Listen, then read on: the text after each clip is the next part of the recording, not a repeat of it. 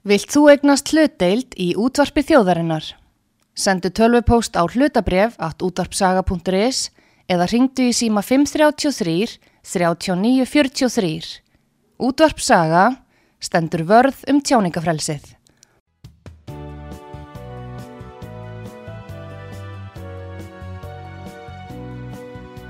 Sýteðis útvarpið á útvarpisögu í umsjón Arnþróðar Karlsdóttur.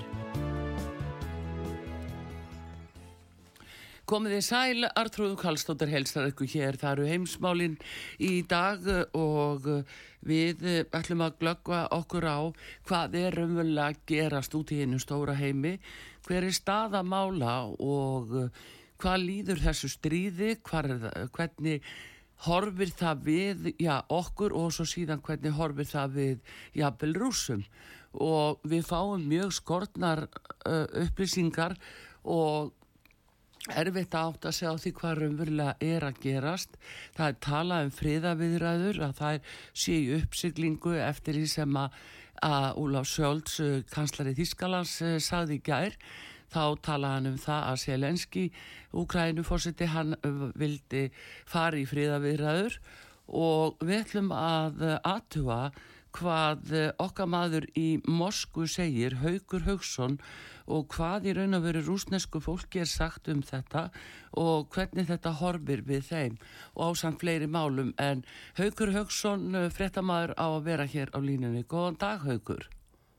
Já, kontur sæl aftrúðuminn, ég er hérna. Já, sæl og blessaður, heyrðu. Eins og heyrðir ég var að segja að það eru svo uh, takmarkaða frettir sem við fáum uh, og ellendis frá og nánast enga frettir frá Rúslandi, mjög, mjög fáar. E, það sem er nú forvitnilegt að vita núna því það er verið að tala um að það gæti verið í uppsöklingu e, fríðaviðraður e, af einhverju alvöru. Hvernig horfir þetta við rúsum heldur? Hvað sínist þér svona í þínu umhverfi? Já, það er náttúrulega voru viðræður í Ístanbúl fyrir ári sem að voru dregnar talfræst að langin af úgrænumönnum að því að, að því að rúsneska hliðin segir í því, því máli. Já. Þann dróðu rúsneskar herinn, það var sem sagt góð vilja skref eins og þeir kölluðu það í Kreml. Peskov var blada fulltrúi Putins Þá dróið er mjög mikið hér liðið tilbaka frá uh, Kharkov, söðurinn uh, kringum Kíf, það var uh, mjög stutt í það umkringa Kíf og annað, en allavega þá tókuð þeir talsveit, tókuð já, mjög mikið svæði sem að þeir fóru frá í þessar já, góðvilja skref eins og þeir kölluðu það og úgrænumenn voru mjög klókir í því að nota færa sér þann, það hlið sem að komi í, því, í, í þessum Ístanbúl viðræðum. Nú síðan komu kynverjar inn í spilið fyrir setna sem satt í stöðunni, það er að segja að það eru svona þrýr mánuði síðan að það var. Þá var Van Í var ennþá auðvitaðrikiðsáþara Kína og Qin Gang núna er auðvitaðrikiðsáþara hann mm. áttu líka hluti í því Qin Gang var uh, sendið herra í Washington mjög lengi fyrir en þær voru úr 12 punktar sem að kynvarættin settu fram. Þeir heldu þessu rúsar og þetta voru vandaðar tillögur en eins og Jósef Barell sagði, sagði áðan hjá ykkur í ágætis spilun að þá eh, er, vor, var Európa-sambandi og Vesturlund voru enga veginn hlifin af þessum kýmversku, 12 kýmversku punktum kýmverja.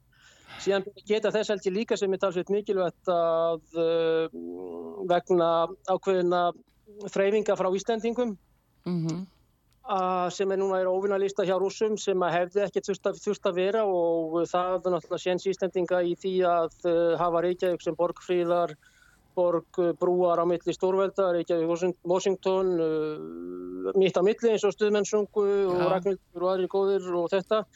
Þeir, það hafa minkað mjög mikið með, ekki síst með þeirri hörðu afstöðu sem að Ísland bæði fórsetisráð þeirra og utarrikisráðunætið hafa tekið í þessari deilu sem að kannski einhverjir og fáur vafalust eins og staðan er núna í Íslandi telja að Ísland hefði geta staðið sjá.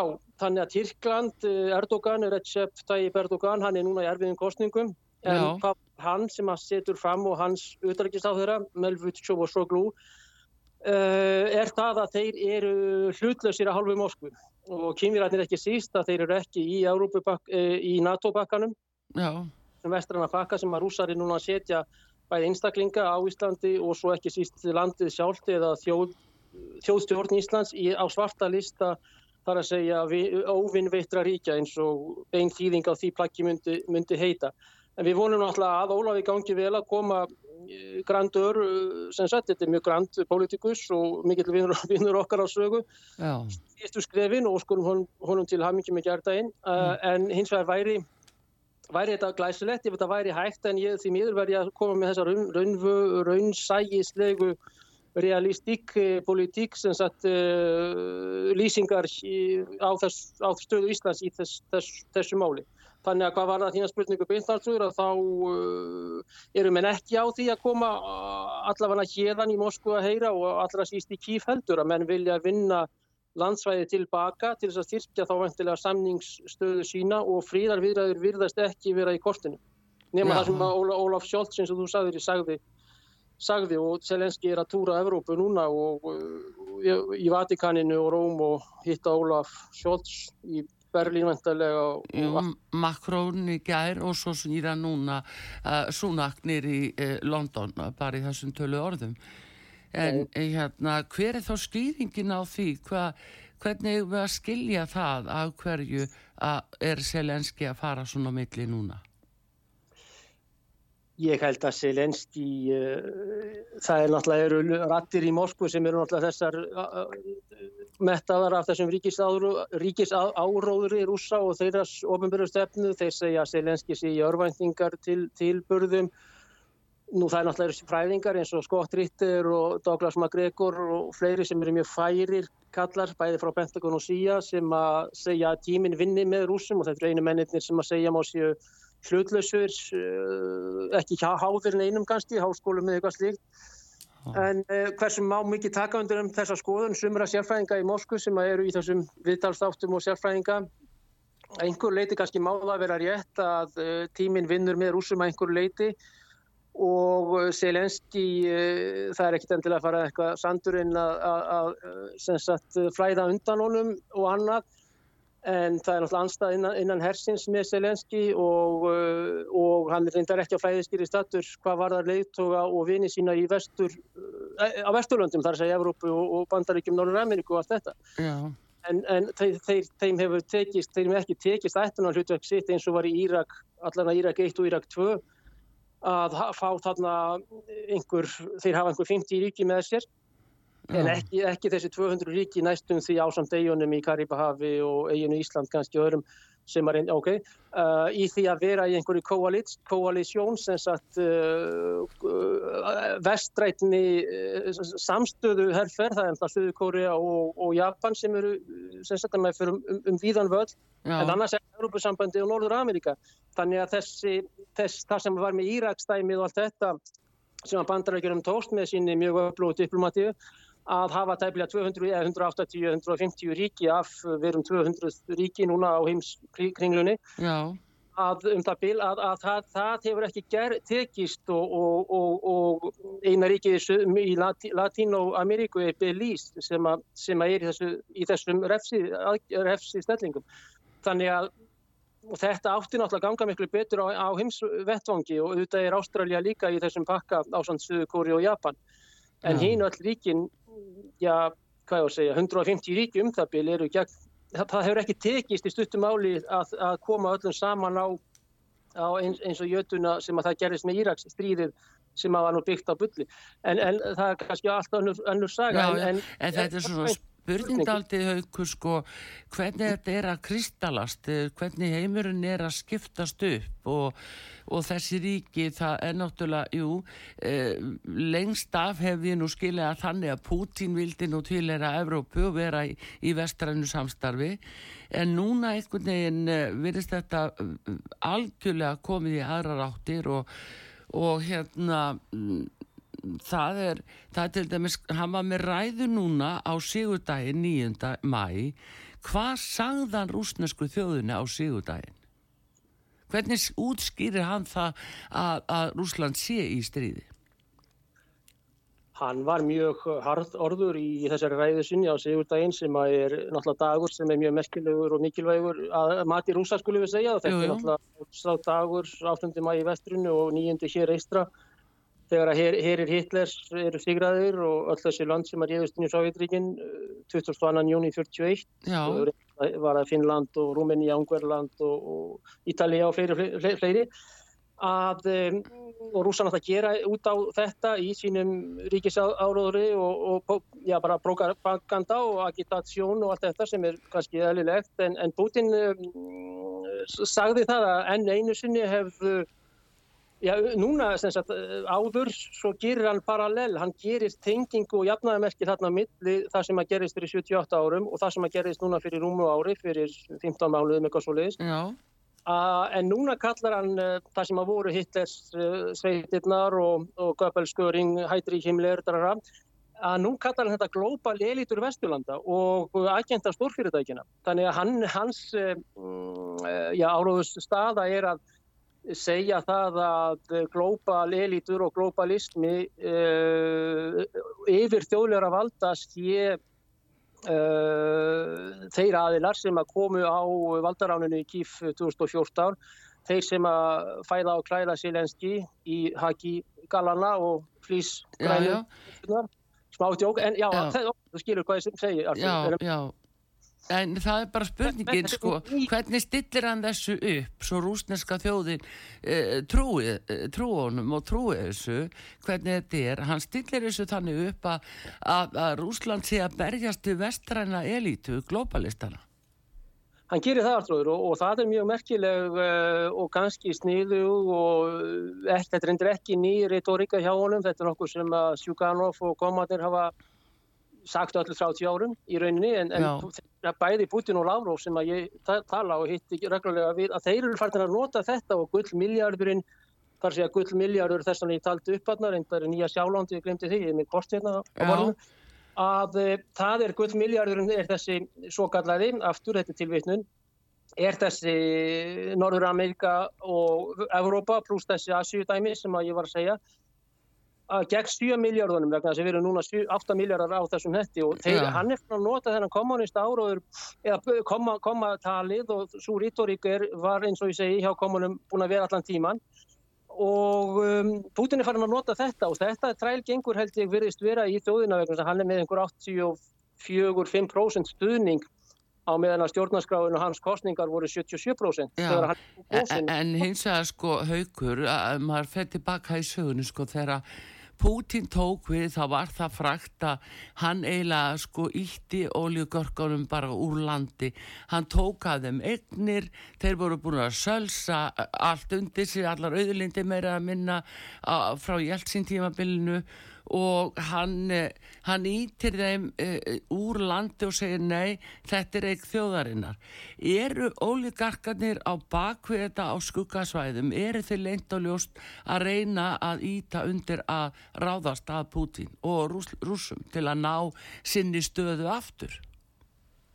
Já, já, þetta er ungi menn í fulli fjöru, þetta eru menn sem er fættir kannski 65, 70, 75 og eru einhver eldri, einhver yngri en margir þeirra eru í uh, London var sérstaklega þó að sumir hafi verið ítt úr landi og Chelsea eigandi og fleiri ágættistrákur en sumir eru orðnir lojal við ríkið eins og hann, hann Abram, Abramovic, Róman og sumir eru mjög aktífir í uh, því að reyna að rugga bátnum innanlands og koma Jeltsin, uh, Putin að sálsög frá, frá, frá, frá völdun en það sem að Jeltsin á sínum tíu árum frá 1991 til 2000 að hann hafði engan áhuga á þessum málum og þeir grassiruðu í mjög spiltu kerfi undir Boris Jeltsin þegar hann var og hétt og hans uh, yngru dótturinn Tatjana Tanja og, og, og fleiri og þessi ráðgjöfar sem, sem voru í kringum hann en, en Putin er alveg rétti að hann uh, fór mjög vandað í þá aðgerð má segja, hann uh, var ekki að flýta sér,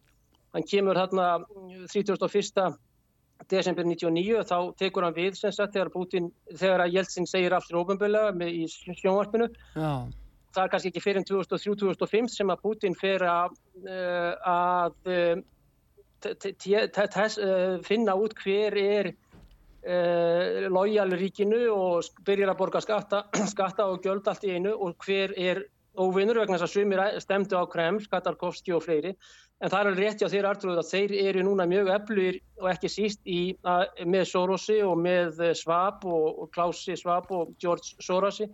í einsum yfir þjóðlegum, yfir stjórn NGO Non-Governmental non Organizations sem eru gríðilega sterkar bak við tjöldin og fjölmiðlum líka og það, þeir, þeir, það Uh, þeir struktúrar og þau, þau mjög sterk og öfla, þau eru gríðilega sterk og ég telum persónulega að þeirra gríðalegu áhrif á völd og metnaður séu vannmitinn ekki síst af pressunni sem að þeir stjórna ofta miklu leiti þar segja mainstream, mainstream pressu sem að, sem að náttúrulega útvarpsaga er ekki í mm.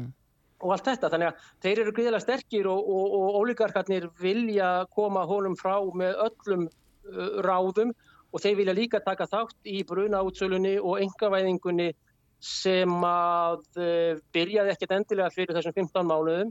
Nei. Uh, en, en, en brunin hefur aukist Já, en við höfum verið að tala nefnilega nokkuð um eins og, já, bæði náttúrulega Klaus Rapp og, og, og Soros og og World Economic Forum og Davos og allt þetta að því að það er svona lengt og ljóst verið að, yfirtaka okkar gæði á marganátt og menni breyta menningunni. Engum og sírlega breyta menningunni. En hins er svo núna það er alþjóða heilbreyðismálastofnunin sem vil þá heims yfiráð í sínum aðgerðum og í 194 löndum. Hvað segir Pútín um alþjóða heilbreyðismálastofnunina? Já, hann kom í þessari uh, nefndu ræðu sinni þarna 9. mæ á Rauðatorkjunu uh, við hersýninguna og allt þetta, þá kom hann til dæmis inn á þennan punkt sem er mjög klókt áróðslega séð, gagvart rúsnesku þjóðunni, gagvart kirkjunni sem er sterkara og sterkara afl í rúsnesku þjóðfélagi. Það er það, að, það sem hann segir og endur ég seti þetta allt innan gæsa lappa vegna þess að við erum hér hlutlaus og með vandaða flutning gæsalappir, það er að segja e, úrkynnjun og verið að skemma fjölskylduna, fjölskyldu gildin og e, stemta að sagt, e, því að taka fyrir með annarlega, annarlegar, annarlegar kendir að breyta hug, hugsunahætti barnan okkar og að fjölskyldan sé ekki sá klettur í hafi eða svo institusjón innan þjóðfélagsins sem að Uh, rúsnesk stjórnvöld og ég persónulega, þetta er enn tilvittnunin gæsalappir hafa ekki lokast í Putin erum fyrir þannig að gæsalappir lokast end of quote, þar að segja uh, og hér er hann að, að, að, að spila til íhalsamari og kristilegri afla í þjófélaginu og líka þá 15% muslima sem eru og þeim fjölgar mest innan rúsneska sambandsíkisins í Norður Kákasus, Tjetsinju, Dagestan og, og þarna sem eru mjög orðinir mjög miklu þjóðurni sinnar rúsneskir, þó að þeir hafi barist gegn rúsneskum stjórnvölum á, á jælsinstímanum í tveimu Tjetsinju skjálfvelum Tjetsinju styrjöldum.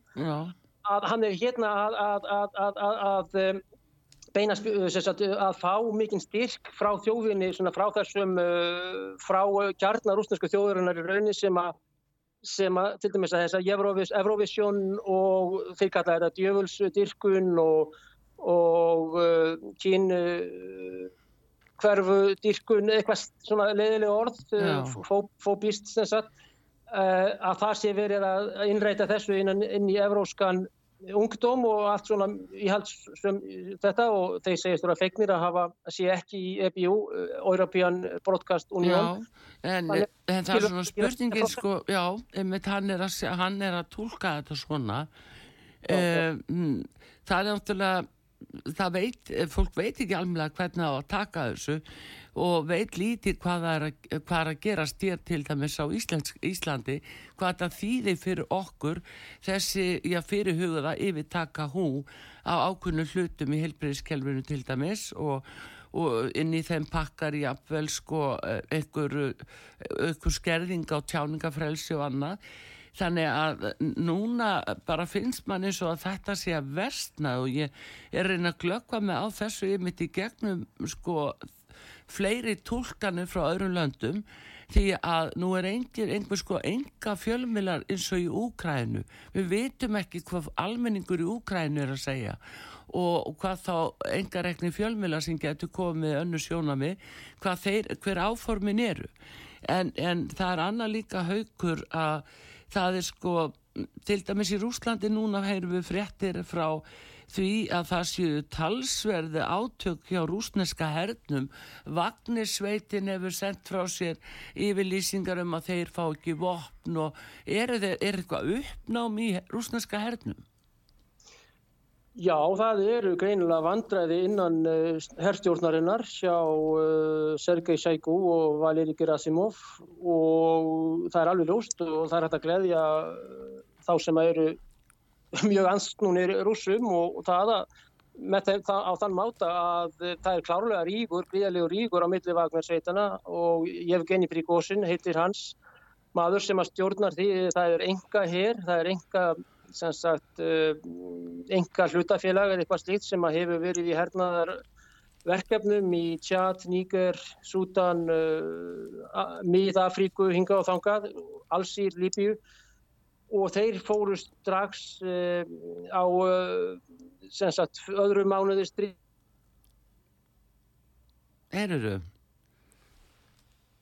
Sjá, heyruru haugur. Uh, við erum með Haug Haugsson í Moskvu hérna á línni, heyrir Haugur? Ég heyri, já, já. áfarað þeir í Úkrænu sem sagt en, uh, en, uh, en þeir Prigósin segir það hann er enga þjóttn eða enga, neða hérna hann var enga kokkur Putins í Pétursborg satt í um tíma og annað í fangelsi. En hann er mjög harðorður og þannig að það er undir, byr undir báða vengi þess efnist að hunda eða hernaðar eða valdarán hersins gæti átt sér stað vegna þess að það er mjög mikinn anstaða, já líka meðal almennings og alþjóðu manna með þessa býrókrata innan hersins sem að Bríkósin blótar í sand og ösku í mörg. Já, þegar þú talar um valdarán haugur, ertu þá að meina að það geti verið valdarán hersins í Rúslandi? að þeir eh, reyna að koma að Putin frá? Já, það er koma jarðvegur upp í þess efnis í grassrút hersins og í þessum sjálfbóðlega sveitum eh, sem er að falla missa mannskap, unga menn þarna í þúsundatali að það er mikil óánægja með generalitetið og admiralitetið í rúsnarska hernum. Og ef að þeir gætu móbilistir að með sig með öflugum hætti að þá myndu þeir kannski reyna að gera þetta með smýrtilugum hætti en ég er ekki að segja þetta sé eins og Tyrkla, í Tyrklandi sem var, var sem sagt á einhverjum 10-8 ára fresti eða latinoamerikano uh, sem hefur bara tradisjón í þessum efnum að, uh, að þetta, þetta ske en þetta hefur ekki reynda verið Mm, já, þetta hefur verið reynd í Rúslandi og keisararnir voru í þessu. Já, en, en, en hérna, ef, ef að sko vagnisveitin er að einhver hluti hersins fer í þetta, fer í þessa stellingar að fremja valdarán, hvað tekur þá við? Er það betri staða eða verri staða svona fyrir heiminn myndir þú halda? það er mun verið staða fyrir uh, hinn vestræna heim og það er mjög, mjög mjög verið staða fyrir uh, Ukrænumenn vegna þess að þess, þessar rattir sem að það er alveg hægt að segja það klálega að þetta hefur kraum, kraumað innundir hjá uh, eldri mönnum í hörnum mm. og fleirum og vagnirónum núna. Er það að það átt að ganga þetta í aftur tilvirðun uh, af krafti og ganga í þetta mál af viti krafti og, og og sem sagt, um, og sem sagt færniðar fagmennsku. Þessi, þessi fúsk, þessi aðgerð að þeir hefði átt að taka kýf strax sem að náttúrulega hefði verið mun, mun sterkari leikur að hafa, hafa höfuðborgina á sínu valdi og láta fósittan flýja, ég er að taka, tala fyrst og fremst frá faglögu sjónaviði og líka þá hvort að Sjelenski hefði flúið eða hann hefði drepin eða eins og með aljendi eða eitthvað slíkt og svo líka takk undir sig þá SBU, leinið þjónustuna, lauruglu og alls konar skristofur í kýf til þess að hafa uh, höfuðlausan heyra einhver leiti og líka þá í leiðinni hefðu þessir jagstar í Moskvu látið drepa her, helstu herfóringja lands, Ukraínu, Ukraínu landarinnar. Þannig að þessar rattir er að vera sterkari og sterkari um að þetta sé að einhver leiti uh, ekki faglega til verksgengið og það hefði, haft, hefði þurft hefði þurft, þetta er svona hypotetist dæmi, Já. það hefði þurft að fara í þetta eh, með, með, með eitthvað, kannski 200 með, með meiri mannskap, þeir fara með uh, þeir fara með sem sagt uh, 180.000 man, manns að það hefði þarna kannski halva miljón manns að, og svo að rúla yfir þetta á, á, eins, og, eins, eins og minn segja. Ja. En aftur tekja það skýrt fram að þetta tilvétnun í sérsta hardjagsla ja. sem að líst ekki á að þeir séu núna að fara til að missa land í hendur ukrainska hersins en það er staðan í Bakhmut sem að kalla Artjómovsk. Þannig að þessar rattir og tilfinningar uh, eru að koma kannski meira og meira upp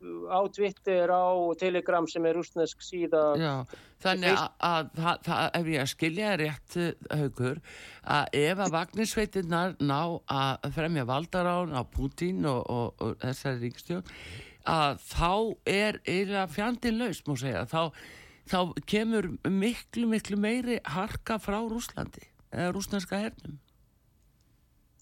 Já, þeir myndu væntilega setja, setja allan kraft í það að, að ná að minnstakostu höfuborginni og, og reykja á flótta þá stjórnendur sem er núna í Kíf, að segja lenski, sem London er að færa sér vestar og vestar á plánutuna. Já, já.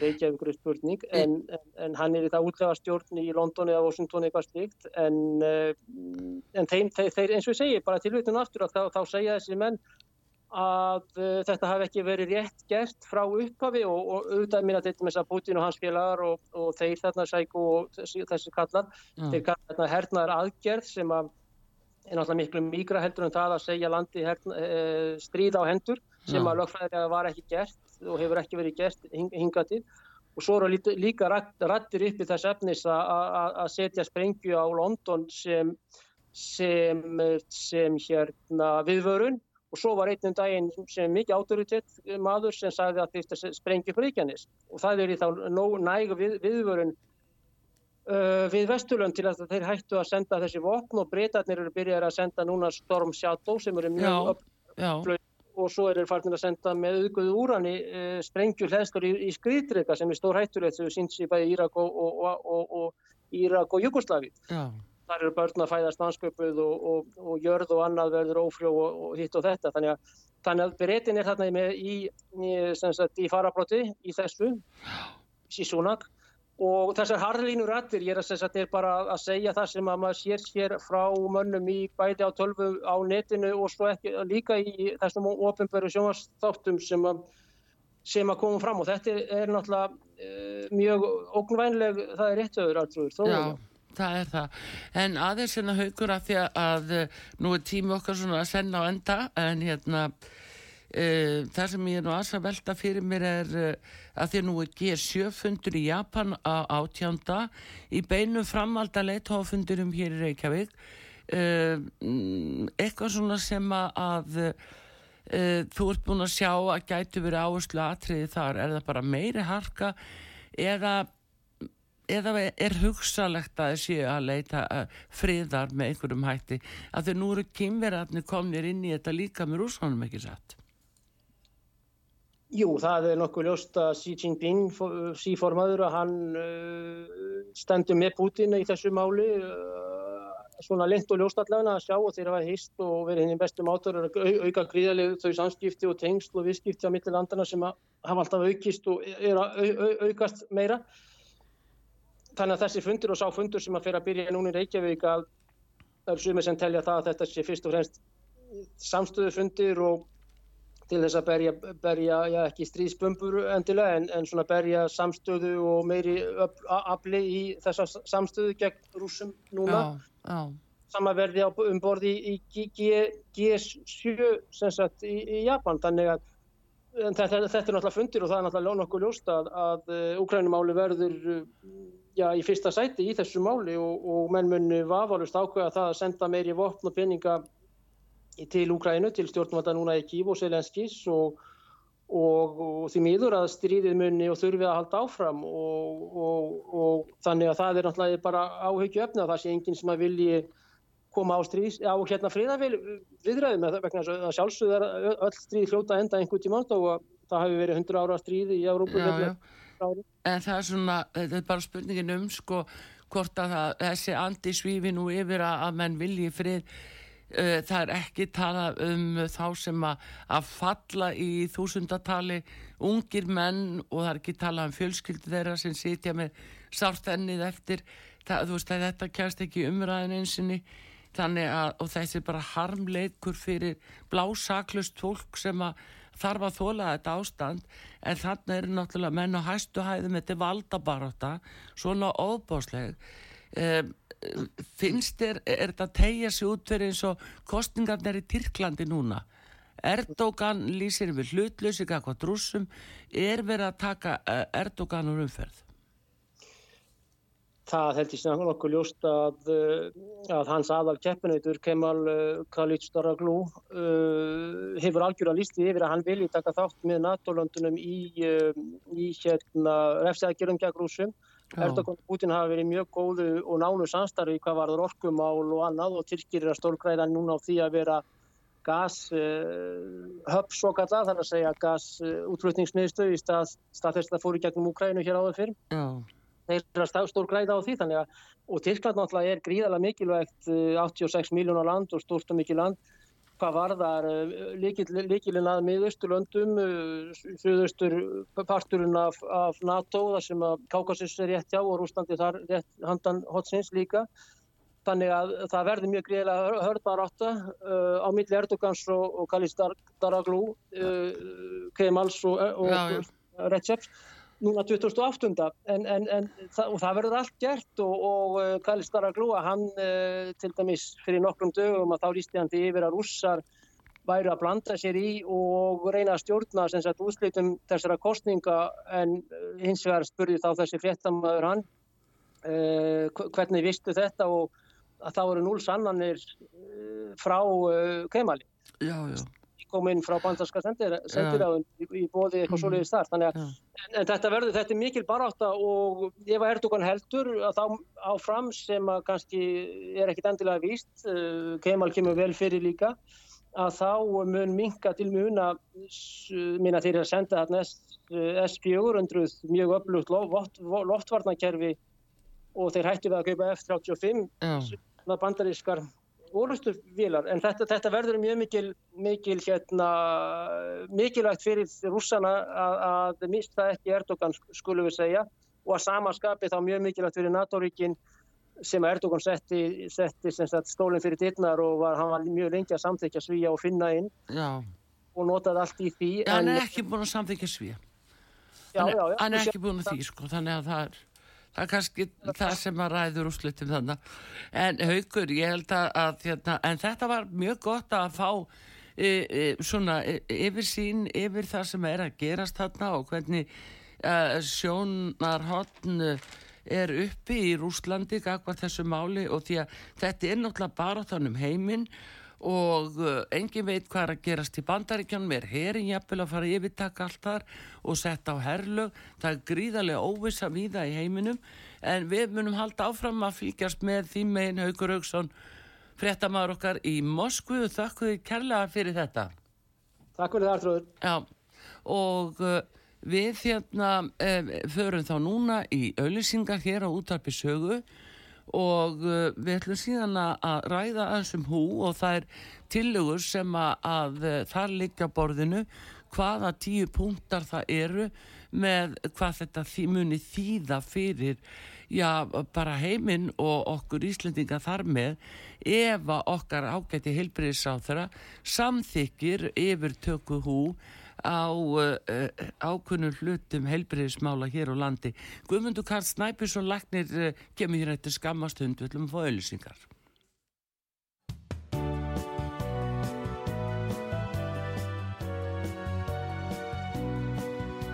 Sýteðis útvarpið á útvarpisögu í umsjón Arnþróðar Kallstóttur.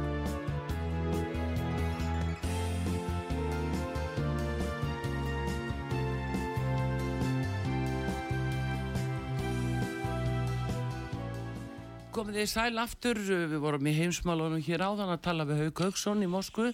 Uh, meðal annars uh, kom ég nú inn á það að hvað þetta þýðir með alþjóða helberiðismálastofnunna hú sem að við Íslendingar stöndum fram við fyrir að gefa eftir hlutafullveldis að þeir uh, fái í sínar hendur ákveðin hluta til á, endalegar ákveðunar og við sjáum það beilinist á sóttaldalögunum sem nú liggja fyrir allþingi að það, þau þarf veiga mikla breytinga sem að benda til þess að það sé e, yfir þjóðleitt vald sem að hefur loka orðið í ákvörðunum sem við hinga til haldið ætti að vera bara innan okkar e, e fullveldi svæðis sem sjálfstað þjóð.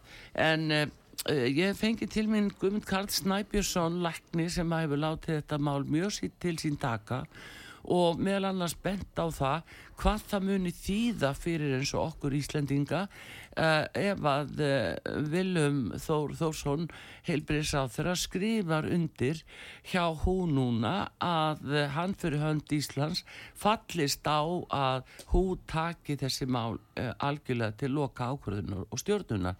Góðan dag Guðmundur Karl. Kalli Snæ Já, góðan daginn. Herrið, þú ert búin að vera öflugur að skrifa og benda fólki á hvað þetta muni þýða fyrir okkur og í tíu punktum hvað þetta muni þýða fyrir Íslands samfélag til dæmis. Við, þó að þetta er nú að gilda í 194 ríkjum er, það er verið að sækjast eftir heimsifir á þeim en hvað þýðir þetta í raun og veru fyrir okkur? Já, sko ég líti á þetta sem bara eitt af nokkurum atriðum sem er í gangi núna þessa myndir mm. og það er yfirfæsla á, á fullveldinu mm. Íslands og 194 landa e, með e, á nokkurum sviðum og við getum tekið þar bókun 35 mm -hmm. það er að við færum lögjafan til, til Brussel e, síðan er það sótundurlegin sem ég kalla trójuhestin -hmm. e, með viðbútar Uh, reglugerðum sem eru vendarlegar og með, ég taldi þarna 40 og já, einhvað kringum 47 uh, innskott sem að það er að segja þegar tróihausturum verður þá sjáum við inn í haldi í honum já. og það, er, það eru þessar samþýtti sem eru á International Health Regulations eða allþjóða helbriðsreglugerðinni sem er vendarlega til undirritunar að samþýtta núna 2004. mæ Já á, á þingi eins og kom fram í reyndari hjá honum hjá, í flottu, flottu hérna spjalli þarna áðan við, við Gustaf í Stokkólmi Já. Og um, bestu heilsur hverjur þangað. Um, þetta þýðir eiginlega og síðan er það ekki alveg búið vegna þess að sótundalögin pluss allþjóða heilbærisreglugerðin og síðan e, vitum við um fyrirhugaða centraliseringu líka, það miðstýringu þessar andlislausu einstaklinga sem ég kalla ókjörnu þar er andlislausu Já. og það er, það er eiginlega það er eiginlega rafmyndin sem, að, sem að er, við vitum all núna orðið að, að er að verða ver, veruleika og verður rænt. Þannig að þar kemur svona bæði eftirliskerfið og, og krediskór sem við þekkjum og, og, og um, miklu, miklu nánara sko í dítail ráðist á okkur, okkar réttindi þar að mannréttindi. Það er, en ef við törlum bara svona í stórun dráttum þá, þá er þetta eiginlega endalók uh, þjóðar eða fullveldist þjóðana 194 mm. og það er náttúrulega ekki bara alltaf helbriðsmálastofnun, hún er náttúrulega undirstofnun í saminuð þjóðunum sem kom líka fram í spjalli hérna áður í þáttunum hjá okkur Já. að þetta er þetta, þetta, þetta power grab eða, eða arðrán full, uh, yfirtaka fullveldist þessara ríkja og, og það, þetta náttúrulega ef, ef fólk er ekki að skilja þetta heldur þetta að sé einhver, einhverja samsæriskenningar þá í guðanabæna farið þá bara að lesa, lesa ykkur til sko. Já, uh, við, getum ekki, við getum ekki breytt í hvað, hvað fólki finnst og ekki heldur get við miður, get ég ekki breytt í hvað, hvað maður er að lesa. En þetta er í kjarnadriðum eru nokkur, ég hef tekið það saman á Facebook, eh, nokkur kjarnadriði mm. og ég kalla þetta top 10 listan. Eh, eins og dægulega listan, en þetta er náttúrulega ekki alveg dægulegin sem er óskum okkur Nei, nei, þetta er spurningum afleggingar hvað þýðir þetta ef að Ísland skrifar undir Í kjarnadriðum erum við að breyta, að samþykja hlutverk alltíða helbriðismálustofnunar uh, sem ráðgefandi aðila Já. og það á verða stjórnvald eða lögbindandi bóðvald mm. og það þýðir að ef einhver er ákveð á, á, á þar á bæ mm. í, í, í huga Tetrusar uh, hérna, Adonón Gebra Jesus að frangalistjóra hérna, hérna, alltíða heilbyrjismálustofnunar þá er það skilda hér og þetta á að taka til, til til um, sviða eins og uh, svona uh, e, þetta? Faraldra og, og heimsfaraldra. En það er eiginlega svo loðið orðalega að jável veðufari getur og peningavald statusin í minnist á CBDC þarna Mm. áður, þannig að rafmyndarinnar raunverulega getur hann skilgreint raunverulega faraldur hvað sem hann vill. Já. og það er algjörlega undir honum komið hvað, hvað hérna, við þurfum ekki að fara í baks við uh, hérna, Tedrosar, nei, hérna, Nei, nei, nei, við veitum það alveg En, uh, hvað það liggur. En, en þetta er þetta er sem sagt sko hugsanlegarar að hann tekur til ákvörunar og tekur yfir alla stjórn, allra Já. þessar landa Já. og þá er að kalla heilbriðis en við erum raunverulega að tala um sko, eins konar eftirlýs og laurugluríkis uh, sem við erum að setja á fót þetta er heilbriðislöður. það er heilbriðislöglan Já, já. og hún er, kemur nánast inn á öll okkar svið Mhm. því að það virðist og í raun að veru getum við skilgerindu þannig að það kemur allt inn á heilbriði, allt okkar líf og hugsanir og annars líkt og matræði, allt kemur inn á heilbriði þannig að allt í einu er orðið yfirtak á þessu. Þetta er það sem að skipti máli. Uh, læknismeðferð, hún á, er ákverðin til dæmis uh, bara lögbóðin að uh, við, til dæmis bóluefnin að þau voru viðkend af hú Já. og þar, þar er meðal annars tekið til, eða einu minnst á bólusetningar og smitrekningin og bólusetningavottor uh, fyrir alla þá sem að halda COVID sé búið, Já. ekki aldilis. Þetta er eiginlega, við erum í auga stormsins og við erum að sjá hvað er í vandum. Og við höfum verið sofandi og það hefur verið með ráðum gert að, að hilja ómikið þessi spór eða umræðu um alþjóða, breytingarnar á alþjóða heilbyrðisreglugjörni. Það hefur meira verið svo kallað pandemic treaty það sem við kallum eða, eða, eða HCA plus sem er það sama.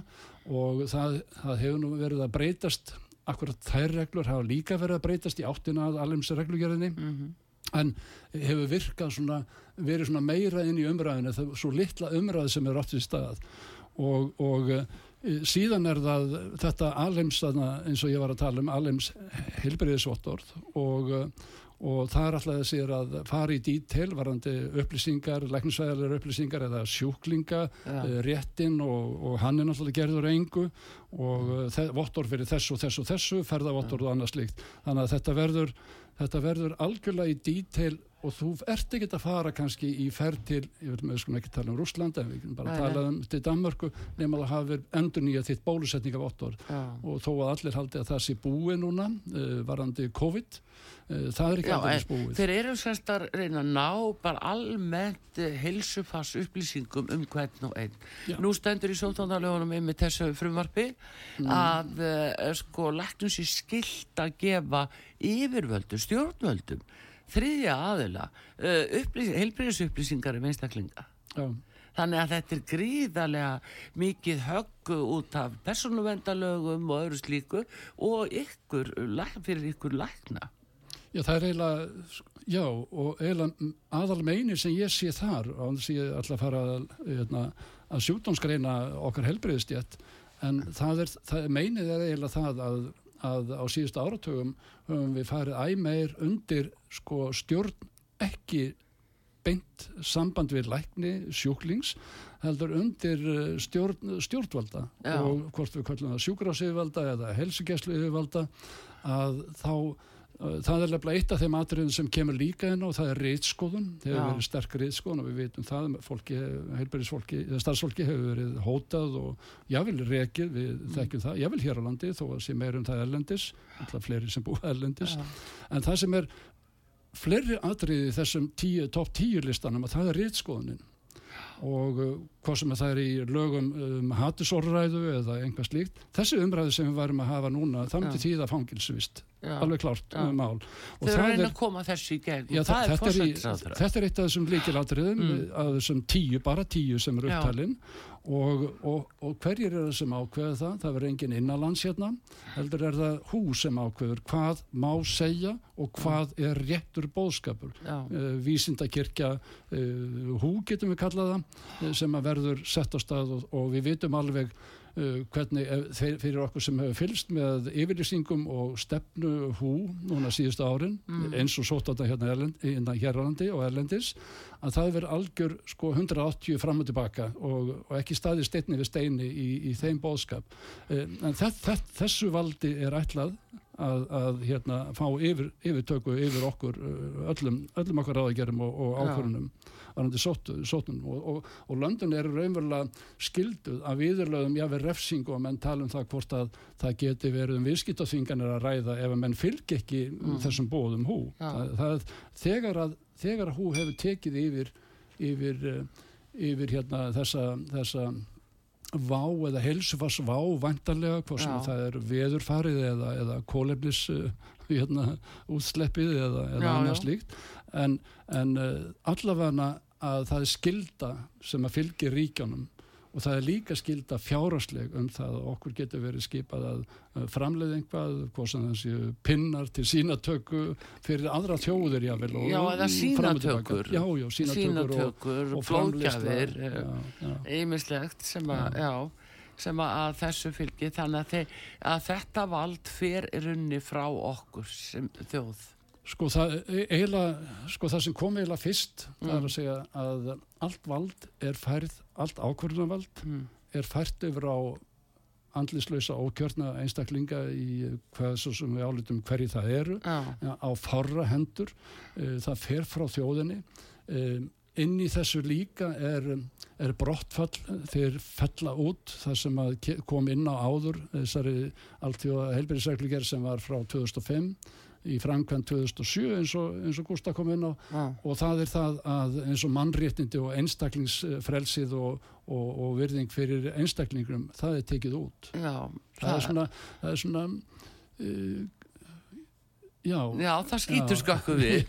En það hins að sko hvað þýðir þetta fyrir ykkur lækna, ég meina það er náttúrulega trúnaðsambandum millir læknins og sjúklings, það er eiginlega bara sett styrkja við það. Þið eh, hérna hafi það ekki lengur í hendikar hver fær þessar upplýsingar sem þið sko, hafi geta átt í... Já, bóðvaldi gengur mm. til sko til íslenskar helbæriðsefalda mm. upp á að framfylgja þessu og það er ekki bara riðskoðinu hvað við segja heldur, heldur viljaði taka líka alla ákvarðantöku yfir varandi hvaða læknismæðferð og við veitum alveg hvaða læknismæðferð hefur verið bóðuð af, um, af hú, það er í reyndar ekki meðferð heldur á áttið að heita fyrirbyggjandi, það er að mm. segja bólusetningarnar, mm. eða fyrir spröyturnar, við veitum hvað við erum að tala um og, og sem að var síðan aldrei neinn vörn í en, en þetta, þetta er eina innan gæslepa sem hefur verið innan ofnbörlega sko leift þjóðum og mm. verður leift mm. bara og við vitum öllum tengsl hérna, hérna Tetrusars að frangöndastjóra hú við, við hérna Gavi og, og já, Bill Gates já, já, og bólöfni hérna en það, sko, það, það er þannig að við vitum alveg hvað framaldi verður en það er ekki skilgrind nema að allt, að öll ákvarðinu taka verður tekin í uh, höfustöðum uh, alltjóða heilbyrjismálstofnunar Kalli, líður þér svona með þetta eins og þetta sé það, þetta er svona líður í því að yfirtaka Ísland Ég, ég sé þetta sem fyrir okkur lækna mm. þetta er algjör döðadómar yfir okkar stjætt þetta er algjör döð, við höfum ekki syngt okkur besta andlit þar að segja við getum sagt kannski að yfir 85% mm. þar að segja í hvernig læknar hafa tekið undir og lítið mótmælt uh, það, það er ekki margir að segja að, það er ekki margir að segja eitt sé á landinu sem að mótmæla þessu já, já. Og ég líti á þetta sem algjörun döðadóma yfir okkar stjætt mm. og við sko reyndar segir þetta mér Eh, þetta er, við förum eins langt frá lækningum eins og við hugsa skittum við erum komni til annars tímabil á síðustu öll uh, hvaða lækningar varðar og það er ekki lækningar. Já, getur þú skilt þetta hans betur? Ég veit það ekki. Ég, hérna, uh, sko við veitum alveg hvað hvað uh, hvað skeiði við svipaðar aðstæður þar að segja þegar eitt upplögasta Þískaland var eitt öflugasta ríki á fyrirluta síðustu aldar ja. öflugasta ríki hvað var þar öllvísindi hvað var þar listir, bókmyndir eh, það er alveg sama hvað er komið þá, þá var þetta fremst hjóða í heiminum mm. við vitum hvað skeiði með eða hvað varðum uh, sko, það var margir sem mótmælti á sjálfsög, margir sem flúði mm. land og margir sem stóði upp mm. og margir sem voru drefnir sem að mótmælti þessu eða riskoður og annað slikt en, en við vitum um Núrenberg, uh, Kódex og, og dómar sem voru framkvæmdir og, og ég var einmitt að lesa að hlusta á, á hérna, svona yfirliti yfir Karl Brandt sem var engalæknir Hitlers og hvernig það kom til hans kynni og, og, og hvernig hann kom inn á ráðgjörnum vegna þess að þetta kemur smám saman. Það er ekki verið að tala um einhverja sem er ítla innrættir eða, eða ítlir í raun og veru einstaklingar en hvernig þeir komu inn í og hvort sem að það er vegna haugleisis, uh, kjarkleysis um, með því að fylgja fylgja hérna sko, fylgja hérna bóðum um, yfirvalda þegar og það er eiginlega helsta meinið eiginlega það er að læknar voru undir stjórn annara. Mm. Við erum ekki undir uh, samtali þó að við ætlum að sé mm. uh, viljum að sé milli, milli læknis og og, og, og hérna sjúklings mm. heldur er það við erum í vinnu fyrir aðra. Já,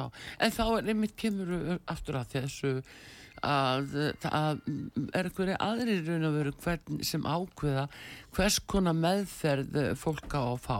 Já, það er hú, og það verður algjörlega hú já, já. og það skildi maður ætla að væri eh, svona sérkynlegt fyrir lækna að standa anspannist því að þurfa að fá leifi til að meðhöndla sjúklinga eftir svona eigin mati Já, það er ekki endilega leifi, verður, þeir verður bara ekki leift og það verður ekki liðið, eða sko ef maður er að lesa rétt í kortin þarna að eh, þá, þá verður þau bara stakkur settur mm. með það að þú ert ekki, ég þekki það nú bara með því að hafa barist frá 2020 fyrir því að fá liv sem að virkaði vel gett COVID Já. og jável eftir COVID mm. og, og hvað það gengur vel að, að koma því inn uh, eða gekk ídla að koma því, já, já. því gegn uh, þetta verður þetta verður enn harðara uh, harðara afstæða vegna þess að þú verður stoppaður alveg frá fæðingu með mm. að, að taka svona og mm sjálfsögðu það En er það þá, og sko, er maður skiljaða rétt að það sé þannig að, að þeir hafi skráið yfir alla, heilbyrjus upplýsingar um alla og geti raunverulega strandveilt ekki handvalið það hverjir er að fá hjálp og hverjir ekki Já ég... Erum við bara komin þángað? Já, við getum kannski líka bætti fyrir og ég hef eigin reynslu að því mm. og uh, ekki reynslu bæði gegnum uh, ættingja og sjúklinga sjálfa uh, hvernig viðmótið hefur verið hérna á landsbytalanum og ég, mér finnst það ansið langt gengi þegar að, þegar að að því við verum að tala um sko lækninga hvert sjúklingi þegar að, mm. þegar að uh, bæði sjúkningum og aðstandum er sagt ykkur kemur ekkert við hvernig við ætlum að meðhandla ykkur. Og við ætlum að meðhandla ykkur svona og löffræðingar sjúkarhásins þeir styðja þetta og segja þetta sér lögum samkvæmt. Að það er að segja að hvorkið þú Eh, eða að sjúklingun hefur val um það hvort hann vilji gangast undir ákveðna meðferð eða ekki uh. þannig erum við komin að loka steg þar sem að ég get því miður ekki líkt þessu við annað heldur en bara eða, uh, lækna hérna nazitímabilsins hérna á síðustöld þetta er, þetta er algjör yfirtaka yfir öllum réttundum einstaklingsins sem sjúklings mm -hmm. Og, og síðan okkur sem læknum að, að meðhandla eins og, eins og best við, eh, við eh, getum eða reynd.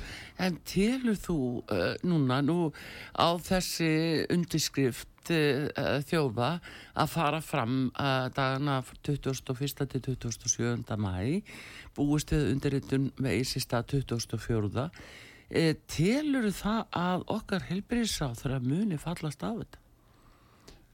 Ég held að ef að ég hef kannski satt, satt að í samræðum kannski við kollega kannski og aðra mm. undarfarið að sá aðali fyrir ef að sá aðali sem undirrittar eða samþykir þetta fyrir höndi Íslands Já. hann veit ekkert hvað hann er að takast á við og þá á ég við það að hvaðan er raunverulega samþykja fyrir hönd þjóðarinnar um, ég sé ekki annað að, að sko bæði alþingismenn og þeir sem sitja í ríkistjórn að, að þeir séu að fremja ekki bara lögbrót, kakvart eh, lögunlandsins og stjórnarskrá og sjúkningarlögum og, og bla bla bla bla bla, fleiri lögum eh, þannig að séum klár landræðaræða og þannig að ég sé þetta sem ég sé þetta og ég er ekki lögurlegur um bara mm -hmm. það þarf ekki að taka Já. það fram eins og að, að ef einhver lög eru sem styðja þetta þá er það ólög og við þurfum eitthvað að laga til réttakerfið ef að það er en ég get ekki, get ekki með nokkur móti uh, sett í einhverja afsökun eða á hverjarlöta vegna að menn vera að samþykja þetta ef þeir hafa kynnt sér um hvað þetta ræður um ja. þetta er uh, fyrir þá allavega sem börðust fyrir sjálfstæði Íslands og Mm. ég man ekki hvað er 1870 og einhver, einhvað þarna sem að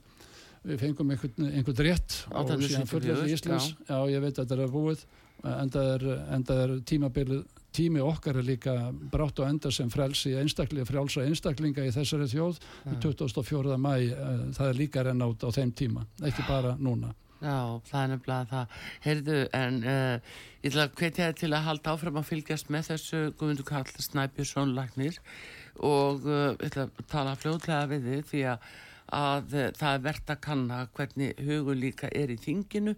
Það er eiginlega nánast engin þingmaður, er mjög fáir sem eru fáanlegir til að tala um þetta og segist ekkert vitu máli. finnst þér og finnst fólki í þessu skrítið. landi ekki skrítið Mhm. að eins viðamikil og afsal eða, eða afsal fullvildis eða þjóðréttarlega og, og einstaklings að einstaklinga Mm. finnst, finnst engu það virkilega skrítið að þetta hafi ekki verið neitt nánast í umræðinu hér á landi finnst engum það skrítið það, það er það sem er.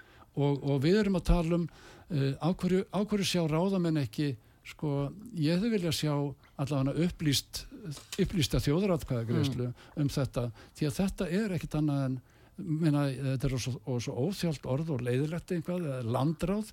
Þe- þetta, þetta, þe- þetta Þetta er brýtur á öllum það rétti og öllum þeim, þeim eið sem að þessir alþingismenn hérna, samþyktu það sem þingmenn þessara þjóðar og kostnir í svo kvöldu líðræði En það er með bara spurningin um sko, Galli, Mm. að, eh, að vinna samkvæmt íslenskum hagsmunum og hefur verið Það það, útskýrta næjanlega að þetta séu Það sannlega íslenskir hagsmunir. Þetta verður ekki verið rætt og ekki útskipt og ekki gert neitt. það málið. Já. Guðmundur Karl Snæbjörnsson Kalli Snæ Læknir, við þakkaði kjallaði fyrir komuna núna og tölum saman Sömuleiðis. aftur. Artrúðu Karlsdóttir þakkar ykkur fyrir talaði við Hauk Hauksson, fréttamann í Moskvu áðan og þakka honum kjallaði fyrir og Guðmundur Karli takni maður Bragi Reynisson og uh, Artrúðu Karlsdóttir hver ykkur verið í sæl